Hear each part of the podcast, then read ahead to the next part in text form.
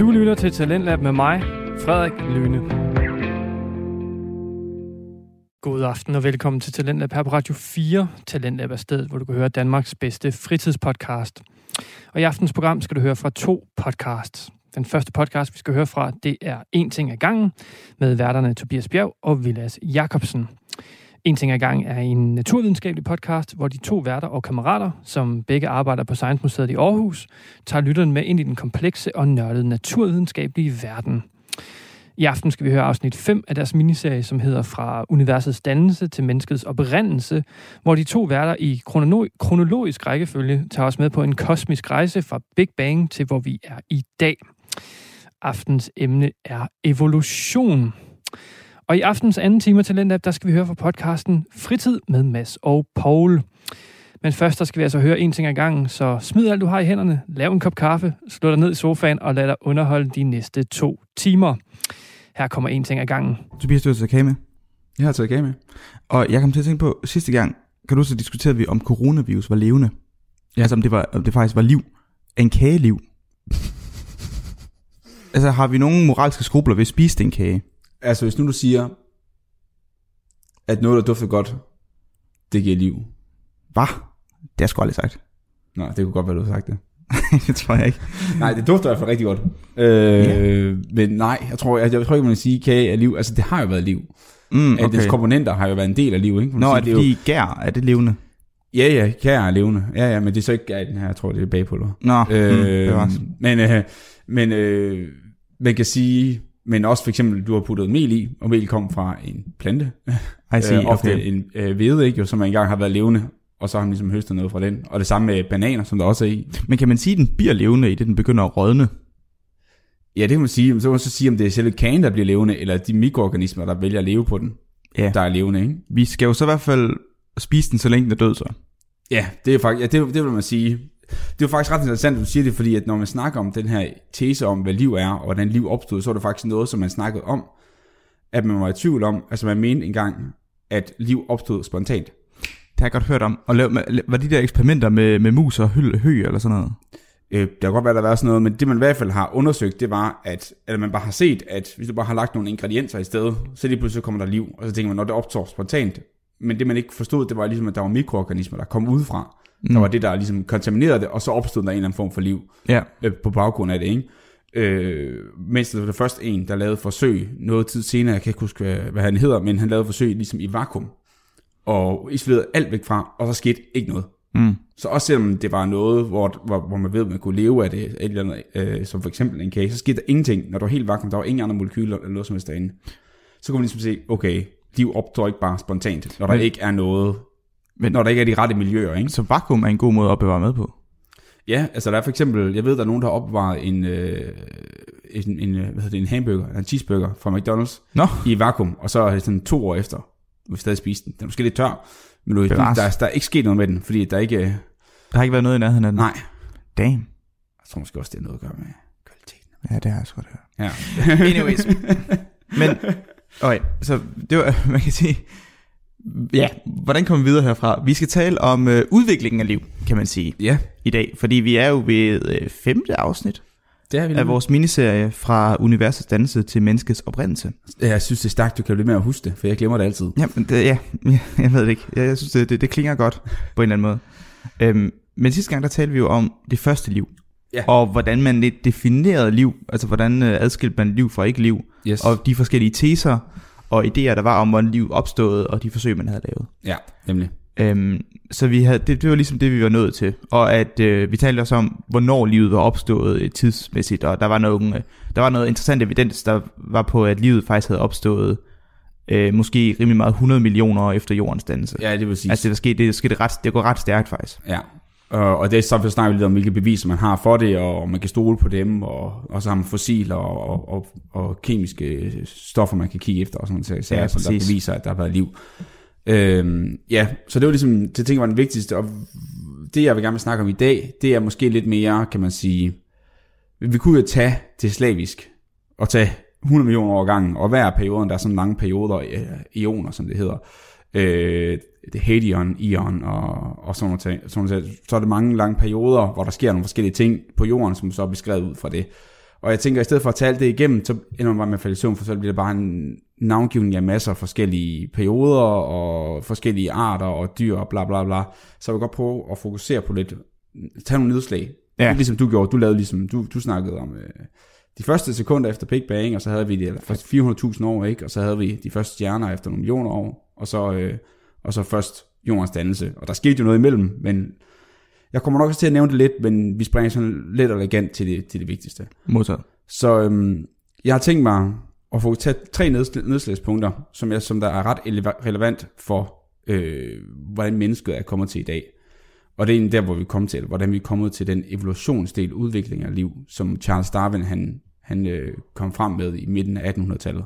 Og det er, at vi skal snakke om noget, der hedder endosymbiose, og så skal vi snakke om seksuel reproduktion, eller kønnet formering, og så skal vi snakke om evolution. Cool. Og de, øh, og de tre ting er, er nogle af de, de vigtige nedslag, som jeg har tænkt mig at gøre, som der er helt essentielle for, at, ja, at vi står her i dag. Mm. Det lyder super. Ja. Jeg ved ikke noget om det. Så det håber jeg, det lærer jeg vel formodentlig.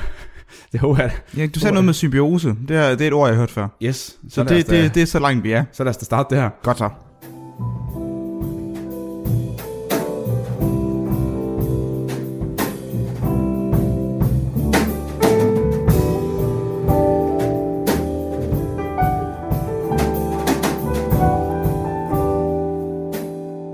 Ja, vi skal jo tale om endosymbiose.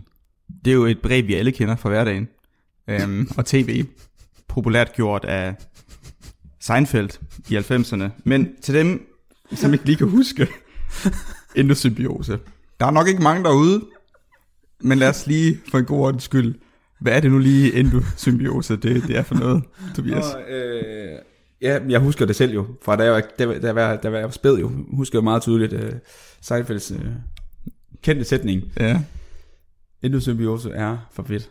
Ja, det er rigtigt. Det mindes Jørgen så ikke. Nej, Og der sidder rigtig mange af vores lyttere og tænker, who the fuck is Seinfeld? ja. Og den anden halvdel er, who the fuck, hvad fanden er endosymbiose? og så er der dig, der tænker begge dele. ja, så er det mig, der tænker, ja. Ej, det, jeg ved ikke noget om det. Nej, øhm, okay. Så for lige at forstå, hvorfor det, det er vigtigt, skal jeg også komme ind på, hvad, hvad det er. Det er ligesom, man kan forstå, at vi startede med de her enkeltceller. Vi er stadigvæk der tilbage omkring, vi er et godt stykke tid tilbage, øh, hvad hedder det, i stedet mellem 2 og 3 milliarder år siden. Mm. Vi var omkring den der øh, afkørsel med McDonald's, som vi snakker om. Og det er derfra og så opad imod øh, Aalborg, at der sker en masse af den her udformede liv, fra det enkeltcellede liv, til at det ligesom begynder at blive multicellulært, der begynder at få flere celler, og det begynder at udvikle sig og kan forskellige ting. Vi skal måske lige pointere, at når vi nævner McDonald's og så op mod Aalborg, så er det jo fordi, at vi, vi, vi, vi, Tak. vi, vi, vi Ja. tager jo hele øh, universets øh, levetid, til Ja. ja. 13,7 milliarder år, og så prøver vi at spænde det ud for en køretur fra Aarhus til Aalborg, Ja, for at gøre det lidt relaterbart for afstandsbedømmelser og sådan noget. ja lige præcis. Og det er jo det der med, at de første 400.000 år, det tror jeg, vi sagde, det var to meter eller sådan noget. Ja, præcis. Ja, og nu, øh, og nu, nu arbejder vi så vi med langt længere distancer. Ja, Øh, så jorden er blevet dannet, og det første liv er kommet til. Lige præcis. Øhm, så nu er vi jo i virkeligheden, hvis du sagde 2-3 milliarder år, Ja. right? så er vi, er vi omkring de der 11 øh, milliarder år fremme. Ja, det er præcis. Så det er jo øh, en stor del af, af Mm. tiden, ikke? Altså, ja. Ja. Så, øhm, så, så det, der, det, der sker, det er, at vi ligesom skal have skabt nogle forskellige... Ikke vi skal jo, det er ikke, altså, det er bare sådan, man, men vi postulerer, at det er sket, at, ligesom, at livet er startet fra en ting, kan huske, vi snakker om den her Last Universal Common Ancestor. Ja. Den der universelle forfar, som der er forfar til alt liv. ja, som er det, den her simple egenskab eller evne øhm, til at gøre et eller andet specifikt. Ja, den har, den har egenskaber, som vi finder, kender i alle forskellige domæner Ja, livet. okay, det var sådan, det var. Ja. Og vi har nemlig tre forskellige domæner, øh, som der, man, man var meget i tvivl om, hvordan man kunne karakterisere. Vi, vi kan se på alt levende og se, man vil rigtig gerne karakterisere det, i putte dem i kasser og sige, hvor hører du henne? Mm. Og så vil man godt gøre det til så få som muligt. Det kender du jo også fra fysikken. Ja, kan, man, ja. kan man nævne det til så få som Man muligt? skal simplificere tingene. Ja, lige præcis. Og det har de så fået øh, slå, slået ned til tre forskellige domæner, Mm. hvor vi har bakterier, Ja, så har vi øh, archaea, og så Okay. har vi øh, eukaryoter.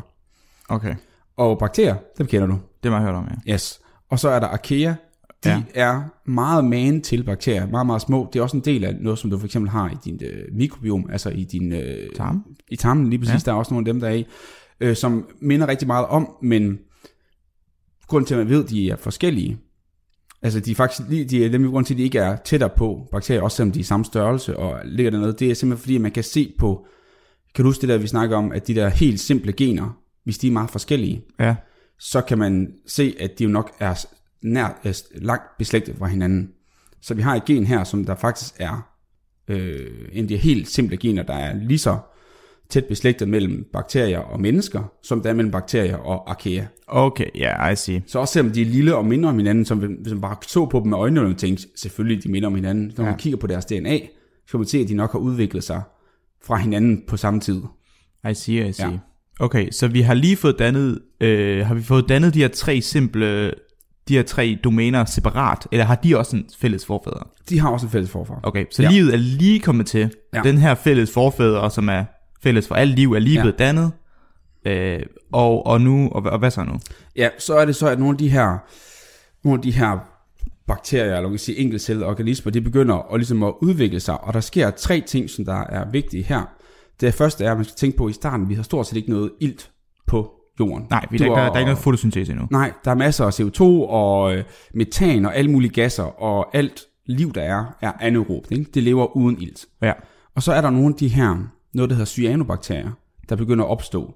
Kan se, at vi begynder den her di- diversificering allerede nu lidt stille. Nogle cyanobakterier, det de kan, det er, at de udvikler den her mulighed for at lave fotosyntese. Okay.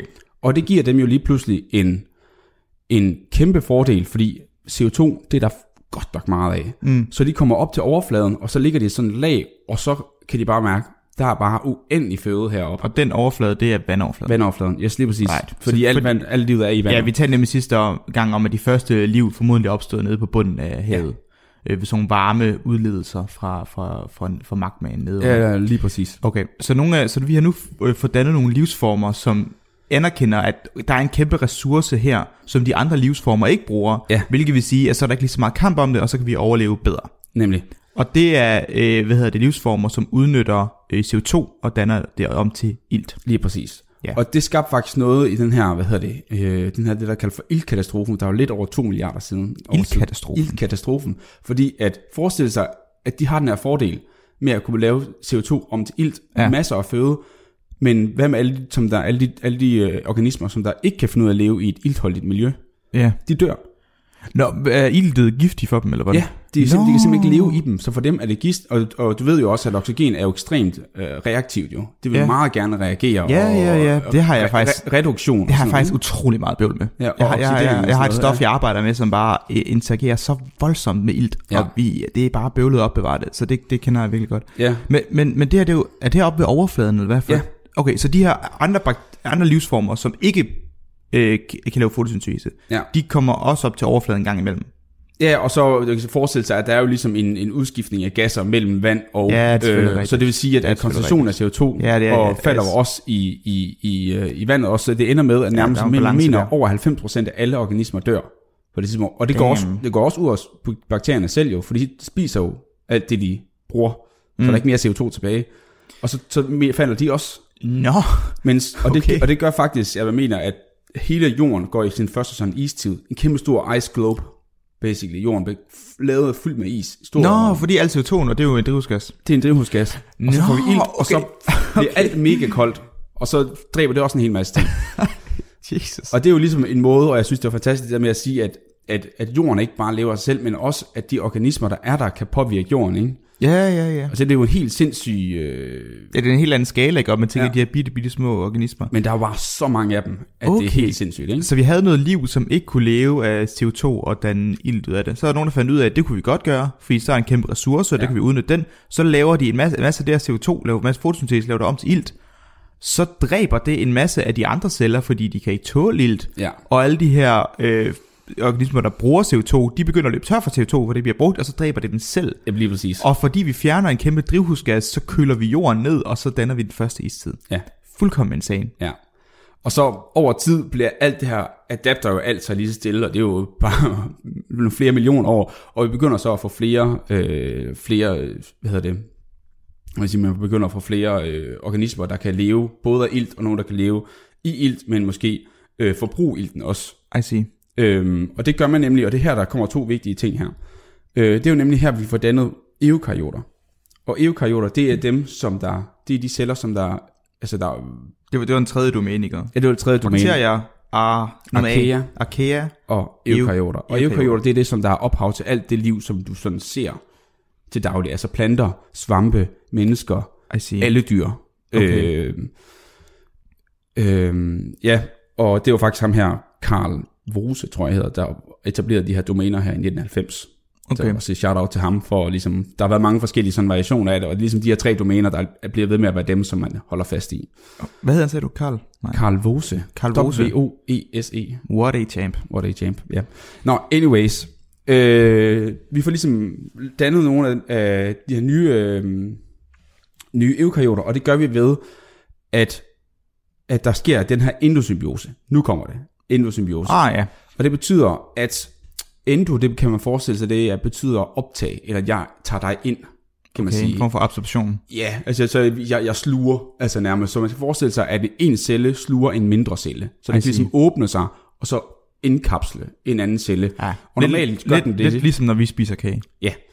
Og normalt gør den jo så det, at så bliver den der kage, den spiser, mm. bliver ligesom opløst, og den bruger jo det, der er i den til at fodre sig selv. Ja. Det, der så er sket, det er, at nogle gange, at det ikke har optaget den, men at de begynder at leve i en symbiose.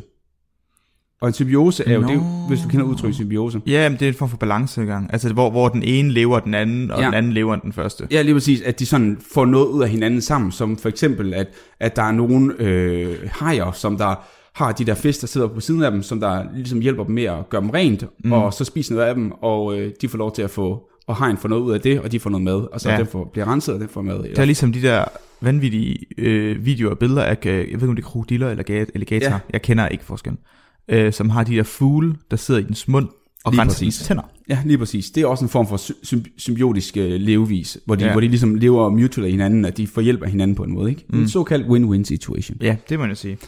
Øh, men ja, så det der er sket, det er en af de her aerobe øh, organismer, altså en, der producerer, øh, en, der kan bruge ilt til at danne en masse energi, Mm. og så en af de her anaerobe celler, altså en af dem, som der øh, bedst kan lide at leve med CO2 og, og bruge det til noget, den har ligesom optaget den her. Øh, Og så kan de både bruge CO2 og ilt. øh, ja, men det der faktisk er sket, det er, at det her, det der med at bruge ilt, det viser sig faktisk at være mega fedt. Det kan man bruge rigtig, rigtig, det er rigtig super lækkert, så den endte med at gemme sig herinde i den her, og så er det det, der bliver til, det vi kalder for mitokondrier i dag. Okay. Og mitokondrier er det, man sådan populært videnskab, hvis du nogensinde ser nogle memes, så nogen, så nogen der siger sådan, hvis du skal vise, at du har læst med på biologi, så ved du, at mitochondria is the powerhouse of the cell. Ah, jeg siger, jeg siger. Øh, så ligesom den der, kan du huske det, vi snakker om dannelsen af ATP og alt det her brændsel, ikke? Ja. Det foregår alt sammen med mitokondrierne. Okay. Det er der alt det her foregår, altså at, vi, at alt det, som vi får energi fra, det foregår i mitokondrierne. Og det skete en gang, hvor der var, at der var en, der skulle have spist den, men det endte med at finde et, en eller anden form for samarbejde. I see. Og det samme er sket øh, på et andet tidspunkt, øh, omkring samme tid, hvis jeg har de her 2 milliarder år siden, eller sådan halvanden til halvanden milliard til 2 milliarder år siden, mener man, det er jo svært at vurdere præcist. Ja.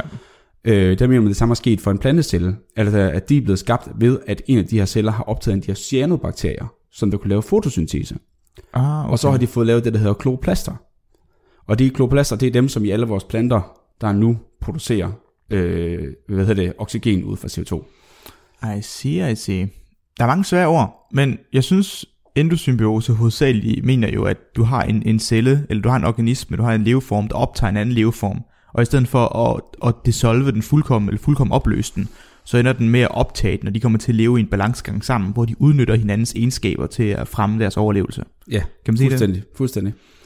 Og, og, og, og grunden til, at man er, er mere sikker på det, det er, fordi netop kan se, at det må være sket to gange. Mm. Altså, at det er sket uafhængigt af hinanden. Ikke? Og det er derfor, man er meget sikker på, okay, det er jo ikke bare et, et, et fluke eller noget, der sker random. Det kan godt være sket flere gange, og det kan også være, at der er flere celler, der har gjort det. Mm. Så det er jo ikke sikkert, at der er én eukaryot, der er ophav til dem alle sammen. Det kan godt være, det er sket flere gange. Ja. Øhm, men det, så har vi sådan de her tre her, og det er jo netop der, at vi så har de her eukaryoteceller, som der, som der ligesom øh, kan noget mere. Og så det, det, der er rigtig vigtigt, det er, at vi får øh, lige så stille multicellularitet. Altså, at cellerne... En blanding af de tre, eller hvad? Nej, nej, nej, nej, de er, de er hver for sig. Okay, Men okay. at cellerne begynder at arbejde sammen. Okay, så er så- kun én celle. Ja, så i stedet for en celle, der ligesom er et liv, så Ja. har du et liv bestående af mere end en celle. Ja, lige præcis. I Og, see. og, det, og det smarte ved det, det er jo ligesom, at okay, hvis nu du har flere celler, så øh, hvis nu der er en, der bliver spist eller et eller andet, så har du stadigvæk, kan du stadigvæk leve videre Mm. ved at dele dig med de andre. Ikke? Plus, Ja. hvis du har flere celler, så kan du måske lave en celle, der kan noget andet, som der kan være mega smart for noget. Men nu, Og- nu, nu jeg og tænker på, er det svært at adskille to celler, som er samme leveform, og så to celler, der lever hver for sig? Men tæt på hinanden. Ja, Ja, det er det nemlig. Det er, jo, det er også sådan, det er jo svært at vide, om de også bare lever i symbiose med hinanden, ja det eller er om det det. rent faktisk er samme organisme. Ja. Og det er nemlig rigtig Der svært. må være nogle, der må være nogle rimelig stringente definitioner her, eller, Ja, ja, eller et eller andet sted. Og jeg tror, jeg tror det er også det, de har svært ved at vurdere, for der er nemlig også mange bakterier, som der lever i sådan nogle, hvad hedder det, i sådan nogle kolonier. Som der, Ja. der lever i kolonier sammen, ikke? Hvor, de, mm. hvor de ikke kan leve uden at være i de her kolonier. Mm. Øhm, så det er også svært, at, er det så multicellulært? Men, men det, som man nok mener er det mest vigtige, det er, når det begynder at, altså cellerne begynder at få forskellige funktioner. Ja, det er selvfølgelig en god skiller. For det er sådan, når vi siger, Nå, så har vi en, en, der står for det her, en, der står for noget andet, ligesom at du har en muskelcelle og en nervecelle og sådan noget. Ja, præcis. Øh, og det er jo noget af det, som der også øh, karakteriserer nogle af de allerførste dyr. For det, de var nemlig, de havde ikke nogen hjerne, men de havde altså nogle nerveceller, og de havde nogle muskelceller. mm-hmm. Øh, og fordi de var så tynde, så kunne de trække alt ilt ud af vandet, direkte fra vandet. Fordi de var så tynde over det hele. De havde ikke brug for at have et hjerte, der skulle pumpe noget ud. Okay. Så de kunne simpelthen lave kan man sige, det, der hedder diffusion. Ikke? De kunne tingene trække ilt direkte ud af vandet, direkte ind i alle cellerne, fordi de var så tæt på. Men de begyndte ligesom at udvikle starten til nogle celler, der var nerve, der kunne ligesom reagere. Nu skal du reagere, og nogle muskler, der kunne gøre, at de kunne bevæge sig. Og her snakker vi sådan nogle lidt gob- goblelignende øh, Ja. øh, og øh, celler og sådan nogle, hvad hedder ikke celler, men dyr, ikke? Ja, så noget vandmandagtigt. Ja, lige præcis. Øh, så, så det er sådan noget af det, man mener, at det som der er, er kommet altså efterfølgende. Øhm, og, og, det, og det er ligesom noget, der kommer sådan as, over, over tid, ikke? og man mener, man kan se forestille, hvorfor, er det, hvorfor har det givet mening? Det er jo så fordi, at de her multicellulære øh, organismer, de har haft en eller anden form for fordel, altså som har gjort, at de kan, det giver mening for dem, altså Mm. de kan udkonkurrere nogle andre. Øhm, man kan sige, at er eukaryoter, altså os mennesker og dyr og planter, er det den mest dominante form? Det er det faktisk ikke. Hvis du bare ser på biomasse, helt generelt, så er der flere bakterier. Ja, end der er eukaryoter. Massemæssigt også. Jeg skulle lige have igen, hvad var det eukaryoter var? Eukaryoter, det er mennesker og planter. Og jo, men alle- hvad, hvad, var det der, var det fordi de havde pågået endosymbiose? Øh, Det er Ja, bare lige, lige præcis. Ja, Ja, det, det var det, der definerede ja, lige præcis. Og så har ja. de her mitokondrier. Ja, præcis. Eller det kan være kloplaster eller et eller andet. Ja. De er, hvor, øh, og de kan lave øh, seksuel reproduktion, som vi I også kommer ind på senere. Øh, det er nemlig kun eukaryoter, der kan gøre det. Okay. Og det er også noget af det, der gør, at de ligesom har udviklet sig mere, og det er noget af det, der danner bund, grobund for, at man kan lave øh, e- evolution. Øhm, Mm. Og de Okay. her dyr, det kan vi sige, altså alt det her, det sker over lang tid, og der, når man sidder og læser op på det, så kan det være svært at finde hoved og hale i, hvornår mener man, hvad sker, så læser man en ny kilde, en ny artikel, så siger de noget andet, og så, Ja, der er ikke måske helt konsensus nej, endnu. det er, der er Øhm. ikke helt, og det tror jeg nok aldrig, man finder, fordi man kan aldrig blive helt enige om, man kan jo aldrig vide præcis, om, om det her det er kommet fra noget andet, for man kan også se nogle af de her, øhm, man kan være i tvivl om, og de her fossiler, de her ting, vi har fået ska- skabt, er det af multicellulært liv, eller er det af noget andet, og, og ja, det, det er svært at præcis vurdere det. Okay, men, okay. Men, men man ved i hvert fald, at de første fossiler, man har fundet af de her goblelignende dyr, det er omkring 580 millioner år siden. Okay. Og det er ligesom der, hvor jeg tænker, nu skal vi, så skal vi lige snakke lidt om dyrenes udvikling, Yes. og hvordan de, de er opbygget. Men det er der, vi ligesom er kommet fra lang tid, så vi startede de her 3 milliarder, ikke? og nu er vi omkring de her 580 millioner år. Modtaget. Og hvor, hvor, hvor, hvor er det hen i år øh, i Aalborg? Det er øh, cirka 5 km fra Aarhus Hoved, Åh, godt. øh, så er Aalborg. Hovedbanegård. Ja, ja. ja. jeg skulle lige... ja. Ja. Så man lige, du er lige kørt ind for, stort set lige kørt ind i, hvad hedder det, for byskillet i Aalborg, og så, øh, Ja, så, så, så, er vi ikke langt. Vi er ikke langt vej endnu. modtaget, modtaget. Det er godt. Så lad os øh, tale lidt om dyrenes udvikling. Yes.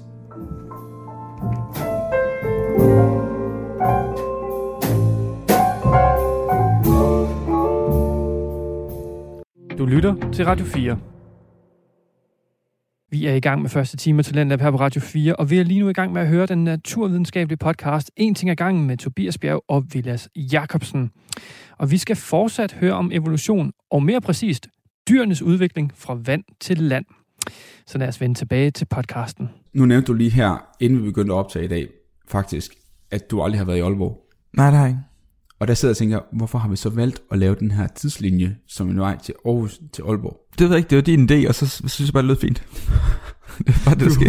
Hvorfor har jeg nævnt det? Men nu begynder vi at snakke om, og nu er vi ved at nærme Aalborg, så står du bare og tænker, Jeg så hvor skulle stor er Aalborg? Hvad sker der der? Hvad er Jamen, det jeg, jeg har hørt, der sker ting i Aalborg. De har Jomfru Anegade, har jeg hørt. Ja, ja, ja. Og så er der ja. vist noget med en karneval eller sådan noget, en gang om året. Ja, Det er det, jeg ved om det Aalborg. er rigtigt.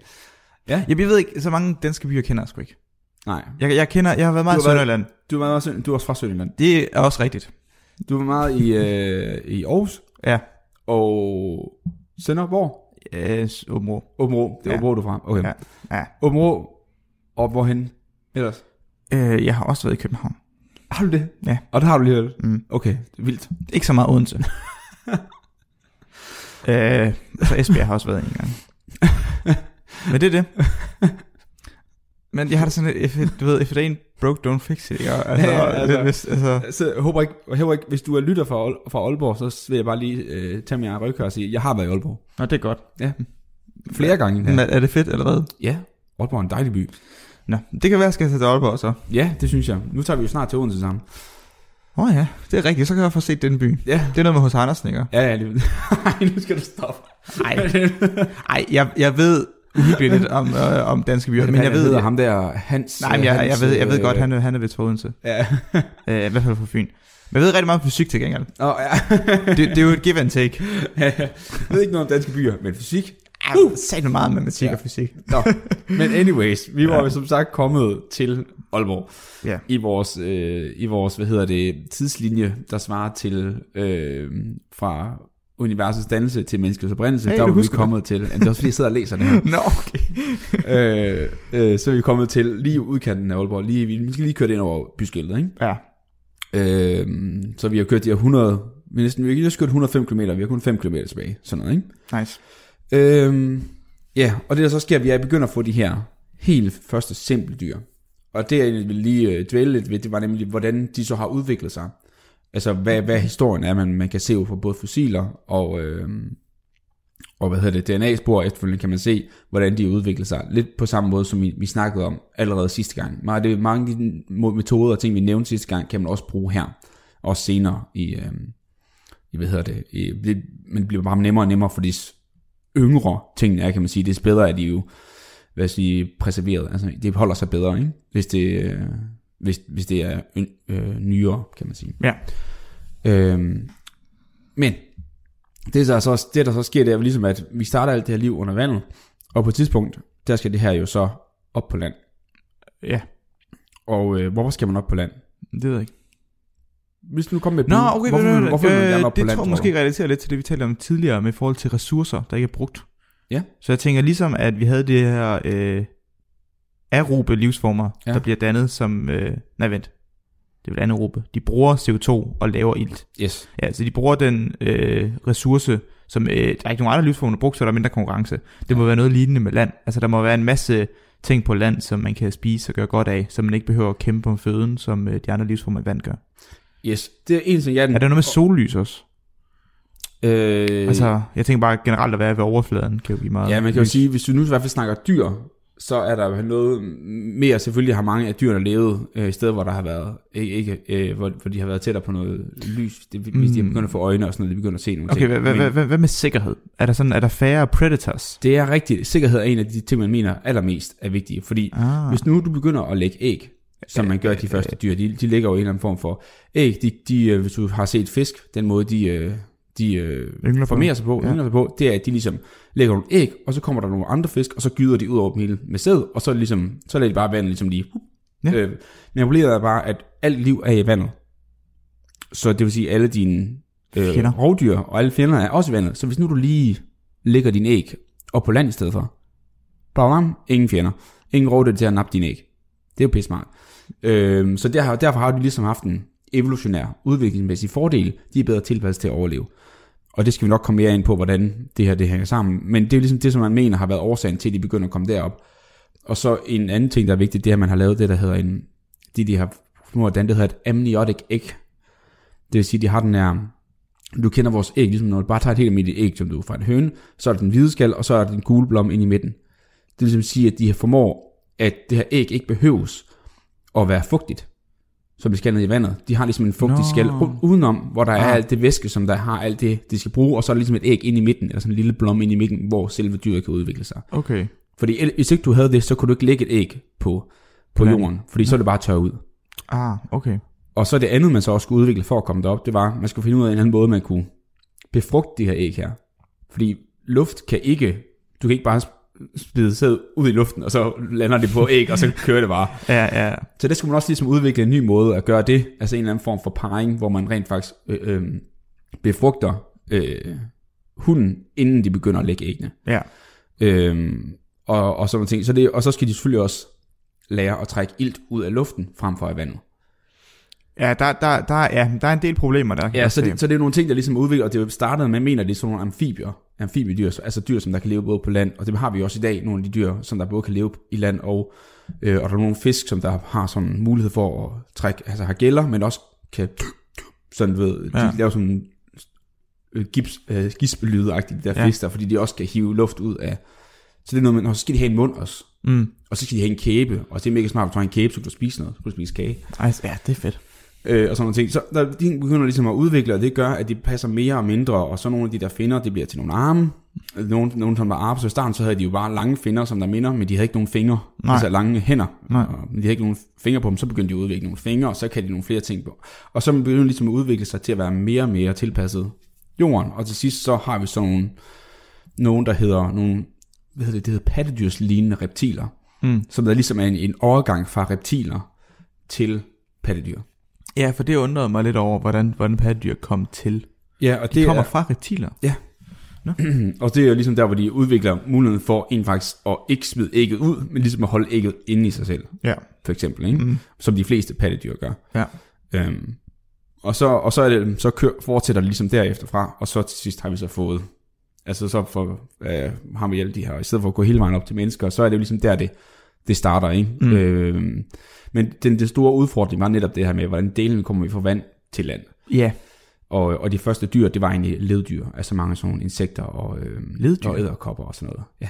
Det ved jeg ikke. Det er for eksempel æderkopper og ja, forskellige insekter. Fordi de har led, eller ikke har led. Skal ikke, ah, jeg skal ikke forklare, hvorfor, hvorfor de hedder det. Jeg er jo ikke, som sagt ikke biolog. Nej, Men, sorry, sorry, sorry, sorry. Leddyr. Ah, of course, leddyr. ja, ja, det kender ja, jeg lige godt. præcis. Øhm, som der var de nogle af de første, der kom, kom op på, på, på jorden, øh, mener man. Og, og det er nok været noget med, at det har været, de har været meget, noget mere simple organismer, så det er noget nemmere for dem at trække ilt ud af luften, end det har været for store, pattedyr, store dyr, ikke? Øh, Ja, ja, ja. ja, vivldyr og sådan noget.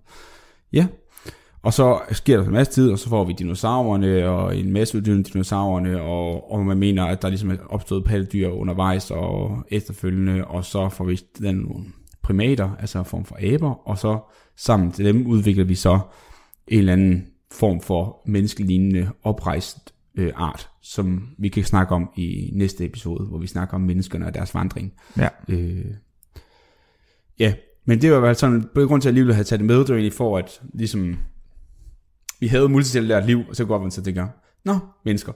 Det var Ja, præcis. Der, der, der er et spring der. der, der er sket Men, noget, ikke? men skal vi så tale lidt mere om, hvordan du ved, dyrene udvikler de her ting? For nu siger du det der med, at når man, så udvikler de nogle fingre eller sådan noget. Altså lidt mere omkring sådan evolution og sådan noget. godt. Det tænker jeg. Øh, Det var heldigt, for det var det, jeg ikke forstår. Ja, det er perfekt så. Ja. Øh, jeg ved ikke, hvor lang tid jeg har snakket, jeg ved ikke, om vi skal have en lille skiller. Vi tager en lille skiller. Okay.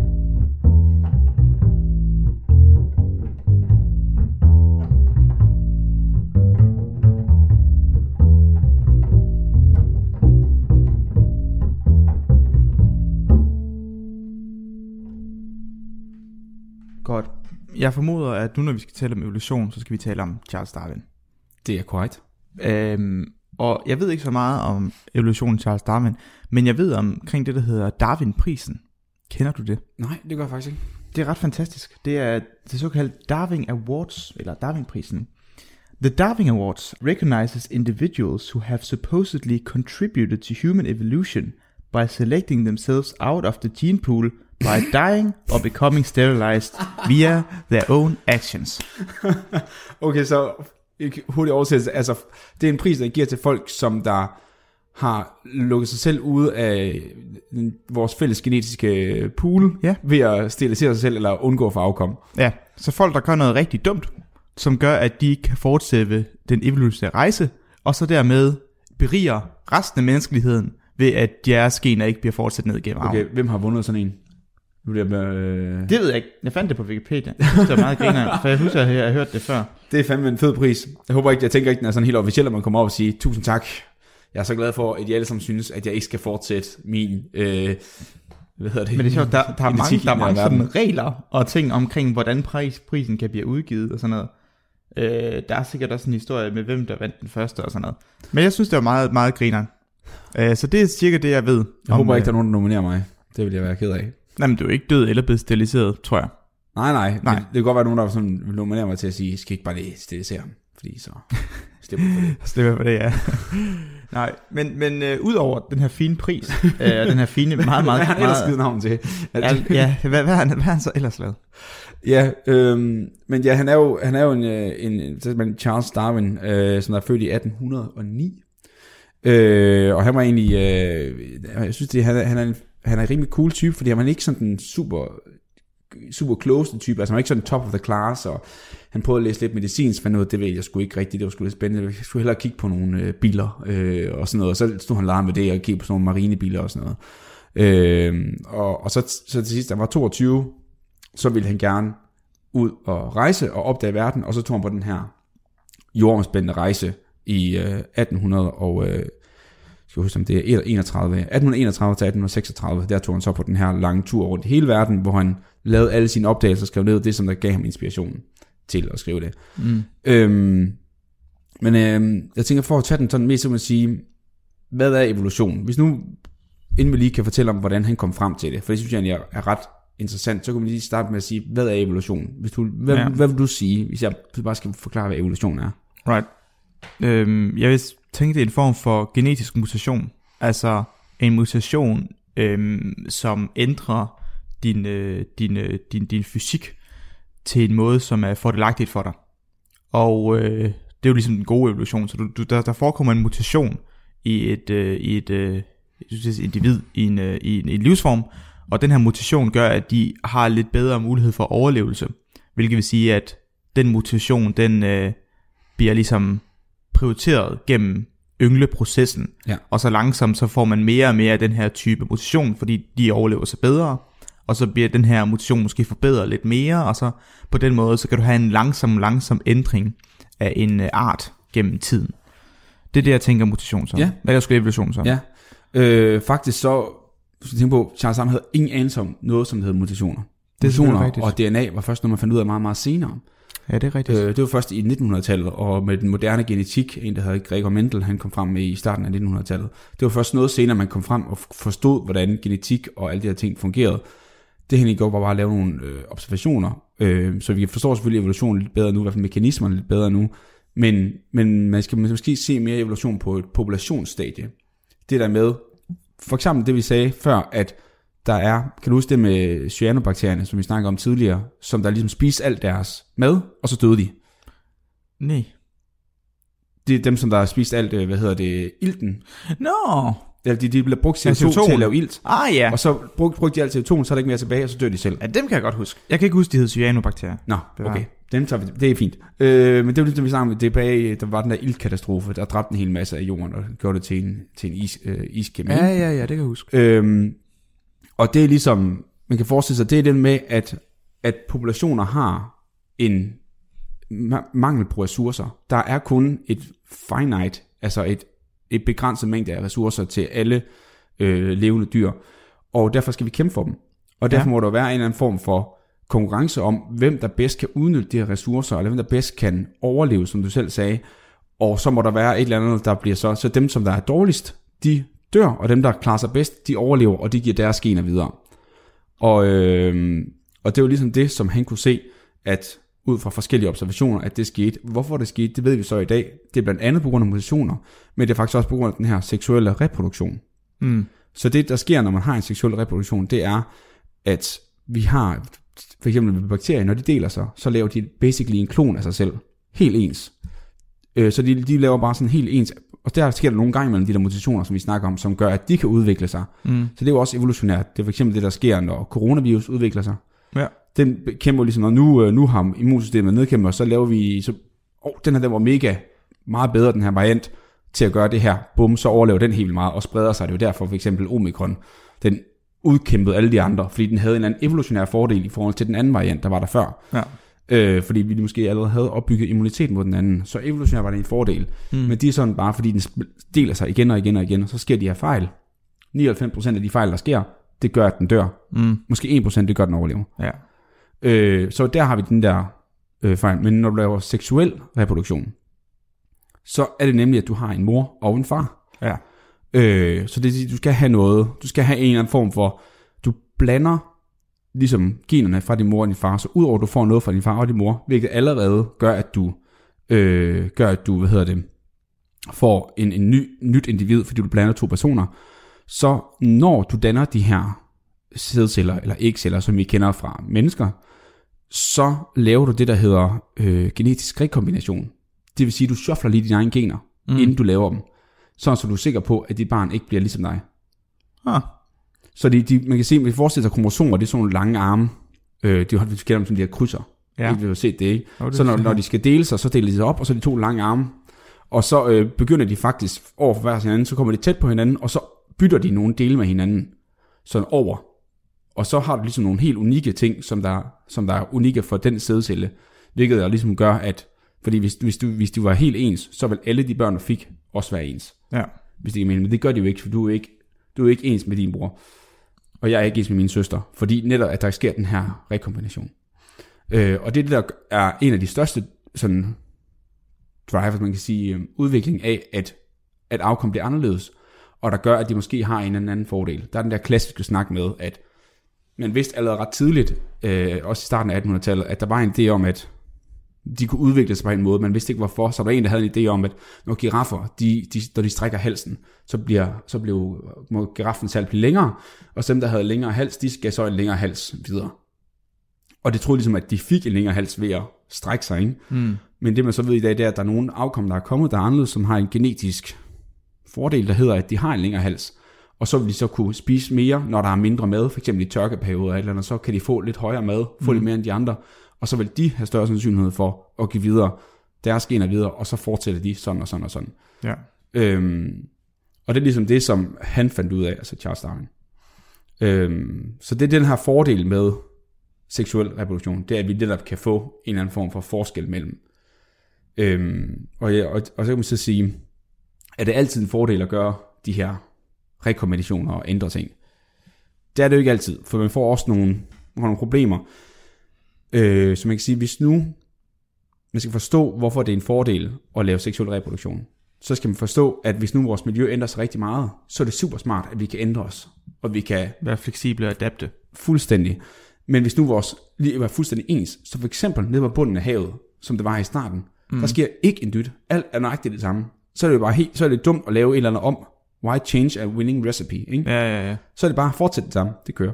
Men hvis nu, at dit, at, hvad hedder det, at du begynder at, miljøet skifter sig meget pludseligt, og her pludselig snakker vi også ikke bare fra i dag til i morgen, men flere år, ikke? Ja. flere generationer, så vil du få meget mere ud af det, hvis du kan ligesom gøre din, øh, dit afkom mere forskelligt end fra dig selv. Så er der større sandsynlighed for, at der er nogen af dem, der vil overleve. Ja, Fordi hvis de alle sammen er ens af dig selv, så dør I alle sammen. ja. Det kan jeg godt se. Øhm, så er det ligesom afhængig af, hvilket miljø du lever i. Og fordi vi har levet i et miljø, som har ændret sig rigtig meget, så er det jo netop en fordel at have den her seksuelle reproduktion. Fordi det er ekstremt tidskrævende. Hvis du, hvis du ser dyr, ikke? du kan se, for det første, så altså, det kræver tid, at de skal, de skal selvfølgelig have sex, og så skal de have det her øh, hvad hedder det, afkom ind i sig, og de skal bruge ekstra meget energi for at opvokse det, og, og spise ekstra for at passe på det her afkom, og så skal de så, ud over det, så ved du, der er mange, der kæmper mod hinanden. Altså hannerne ligesom også kæmper for at overleve, for også igen evolutionen give deres egen afkom videre. Ja. Og det kræver også sindssygt meget energi, så er der rigtig meget sådan, det er ikke den, helt, det er ikke den bedste, hvad kan man sige, effekt- effektivt, energieffektive Nej. måde at formere sig på. Nej, det kan man sige. Øhm, anyways. Ja. Det var for seksuel reproduktion, og det var det, som der var så essentielt for, at evolution kunne finde det. Det er jo så de mutationer. Men det, som jeg synes var interessant, det er, hvordan at, at Charles Darwin han kom frem til det her. Ja. Fordi han tog på den her rejse her. Og, øh, og det han opdagede herude, det var, at han opdagede, lidt kigger rigtig meget på geologi, og han så for det andet, at der var nogle, at der var nogle aflejringer op på høje bjerge, 4 km op i luften, hvor han kunne se, det har engang været havbund. Mm. Så han fik lidt en idé om, okay, sammen med, altså det var også noget, man begyndte at snakke om, at jorden var ikke statisk. Den havde også udviklet sig.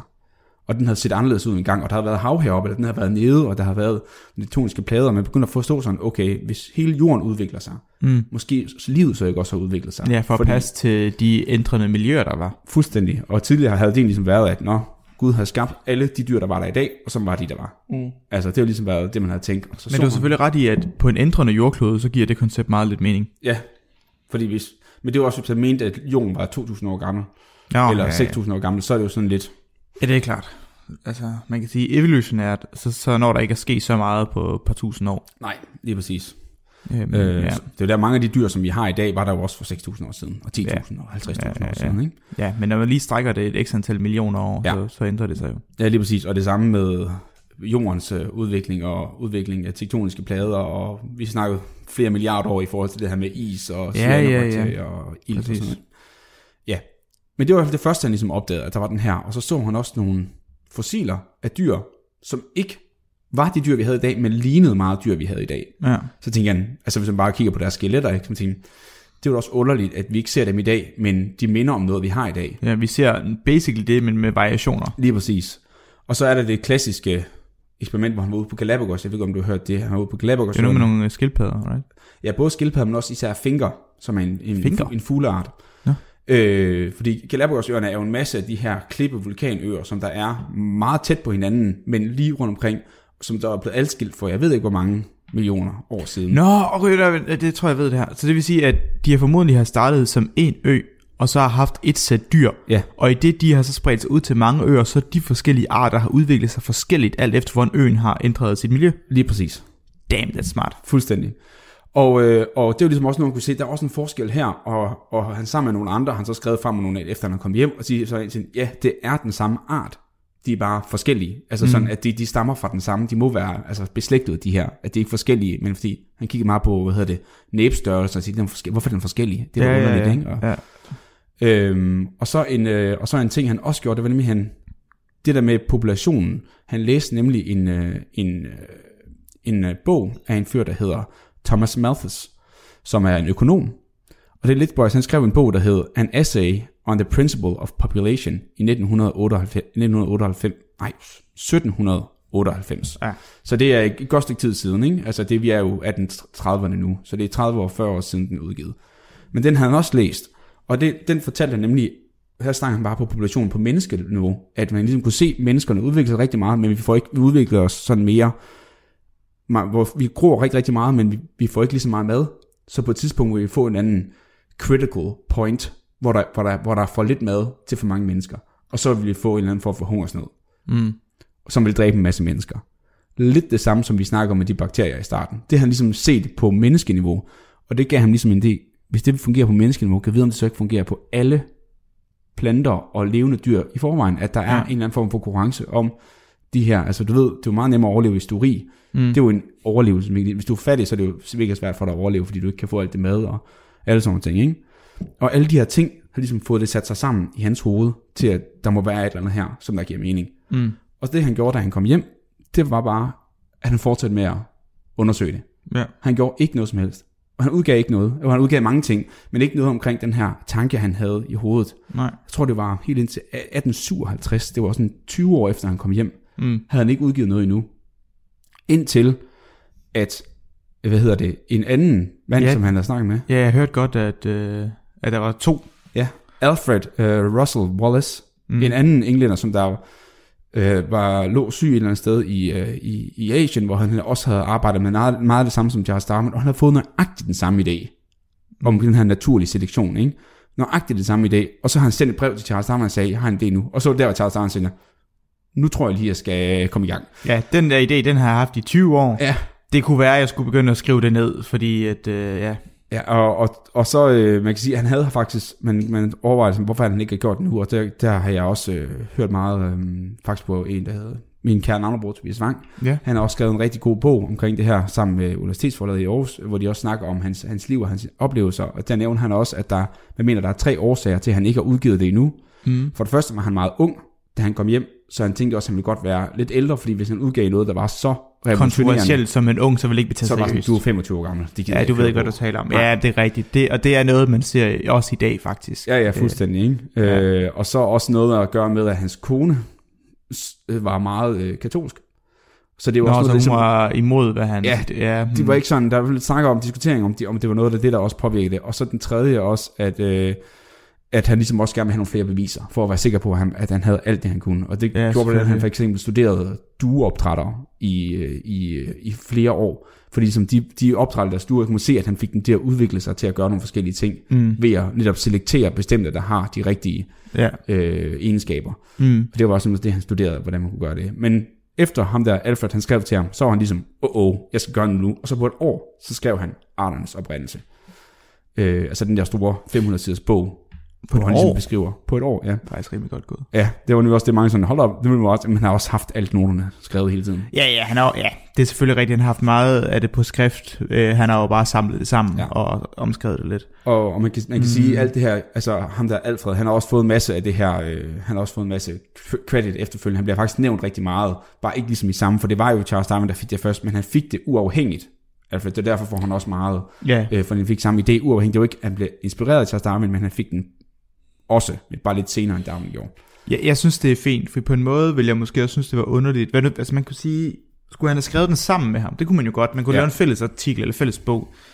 Men, I don't know, altså hvis, hvis, han, hvis han fandt ud af det 20 år før, Ja, og hvis vi er enige om, og det er vi jo på en måde inden for naturvidenskaben, at den, der finder ud af noget først, skal have crediten. Det er sådan, ja lige præcis. Det er i hvert fald sådan sådan en kultur, vi har lige Ja. ja. nu, og det, vi har haft den til videre i mange år. Så er det jo fint nok, at han får det. Ja, ja, lige præcis. Det er måske fair nok i det hele. Ja. Men nå, kæft for sjovt. Ja, så det var, så det var ligesom det, der ligesom fik ham ud, og så øh, det gik faktisk overraskende godt med den. Altså, der var ret mange, som bare læste den og tænkte bare, det giver sindssygt god mening. Og det man faktisk credit, jeg også skal give til Charles Darwin, det er, at, øh, at når han skrev den, var han rigtig, rigtig nøjsommelig med at ikke skrive noget som helst om mennesker. Fordi det skal man passe på med i sådan en katolsk Uh, verden. ja, ja, der er mange, der vil slå ned på det med, med Gud og så videre. Lige præcis, så han holdt sig til det, han ved om. Så han skrev om de der finker, han skrev om øh, øh, hvad hedder det, skildpadder, om duer, og alle de ting, han havde undersøgt, og kunne ja. Sige, her kunne det fungere i de her arter her. Mm. Men så skrev han ikke noget om mennesker. Det synes jeg, Og- det og er smart sige- gjort. Han sagde også, at jeg ved ikke, hvorfor det sker. Altså, hvorfor Nej. at, at der sker den her variation. Det kunne de ikke vide. Det er det, vi Nej. snakker om mutationer og seksuel reproduktion og, og sådan nogle ting. Ikke? Det er det, vi ved i dag. Men det vidste han ikke dengang, så der var han også meget klar at sige, jeg ved ikke, hvorfor det sker, men vi kan bare observere, at det sker. Det er faktisk rigtig smart, fordi jeg sidder og læser af nogle artikler nu, hvor at de, har, de har observeret noget, og så har de givet en anden total whack forklaring, som bare ikke giver en skid mening. Og det sjove er, at alle, alle, alle kritikken af den, de artikler, vi arbejder med, det er forskere primært fra Italien faktisk, men det er irrelevant. Øh, ej, det, ej, det er lidt sjovt, fordi de, de, de, de folk, der kritiserer den artikel, læser mest, det er folk fra samme universitet. Okay. Så jeg kan ikke lade være med at tænke på, at det var griner en julefrokost, de har. Anyways, men de kritiserer altid forklaringen. De kritiserer ikke forsøget. Ja, det kan jeg godt Så forstå. folk bliver så bare, ah, det her det, er det kan ikke være rigtigt, fordi den her forklaring er crap, og den giver ikke mening, hvis du bare laver de her udregninger. Ja. Hvilket de har ret i. Men der er ikke nogen, der taler om, hey, men de har lavet et forsøg tre gange med nogle resultater. Altså, det, Ja, ja, ja, det er sådan lidt, "Nå, men de har jo stadig lavet Så et lad forsøg. være, lad være at lave sådan en øh, Ja, altså det er næsten bedre, hvis, hvis du, hvis, altså, det er lige før, det er bedre at bare sige, at det her det er en observation. Ja. Og sige, at man ikke ved, hvorfor. Sige, uh, måske har det noget med det at gøre, men vi forstår det ikke. Vi har ikke rigtig nogen idé om det. Ja. Altså, fordi hvis man begynder at låse sig for meget fast på en forklaring, så, så ender det bare med, at folk fokuserer på det, i stedet for resultatet. Ja, ja, fuldstændig. Så det var, det var smart gjort af ham. Ja. Så, øh, og ja, og han udgiver også flere versioner af den opdateret undervejs. Og jeg ved ikke, om du kan kender det der øh, Har han- udtryk, har- survival. Hvad siger du? Og skulle survival of the fittest. Ja. ja. Det kender udtrykket godt. Ja. Ja. Mange tror faktisk, det er Charles Darwin, der har sagt det først. Ja. Det er det faktisk ikke. Der var en anden filosof, der hedder Herbert Spencer, som der læste hans første version, og så sagde han, åh, oh, det lyder som noget survival of the fittest. Altså overlevelse mm. af den, der er bedst Ja. øh, tilpasset. Ikke? Mm. Øh, der er mange, der på dansk, den stærkeste overlever, er nogen, Ja. der har sagt, det er forkert. Det passer jo ikke. Det er jo ikke den, der er stærkest, men det er den, der er bedst tilpasset. Mm. Det er det, altså fittest. Øhm, og så har, hvad hedder det, i den femte udgave af hans version, Charles Darwin, der tog han den så med ind i sin bog. Det er Survival of the Fittest. Ellers også selvom det kommer en anden. Men han fik jo, han, ham der Herbert Spencer læste jo Charles Darwins bog, og så tænkte han, Så, så brugte han det så det udtryk for mm. at beskrive hans, øh, hans lærer her om evolution og naturlig selektion. Du lytter til Radio 4. Du lytter til Talenter her på Radio 4, og jeg bryder altså lige ind her, da vi snart skal til nyhederne her på Radio 4. Vi er i gang med at høre den naturvidenskabelige podcast En ting ad gangen med Tobias Bjerg og Vilas Jacobsen, som i aften introducerer os til afsnit 5 af deres miniserie fra universets dannelse til menneskets oprindelse, hvor de to værter fokuserer på evolution her til aften. Og jeg må ærligt indrømme, at jeg ved godt, hvad evolution er, men faktisk ikke så godt, at jeg kunne forklare det sådan øh, relativt detaljeret. Så jeg tænker jo automatisk på det der øh, kendte abebillede, så snart nogen de bare nævner evolutionen.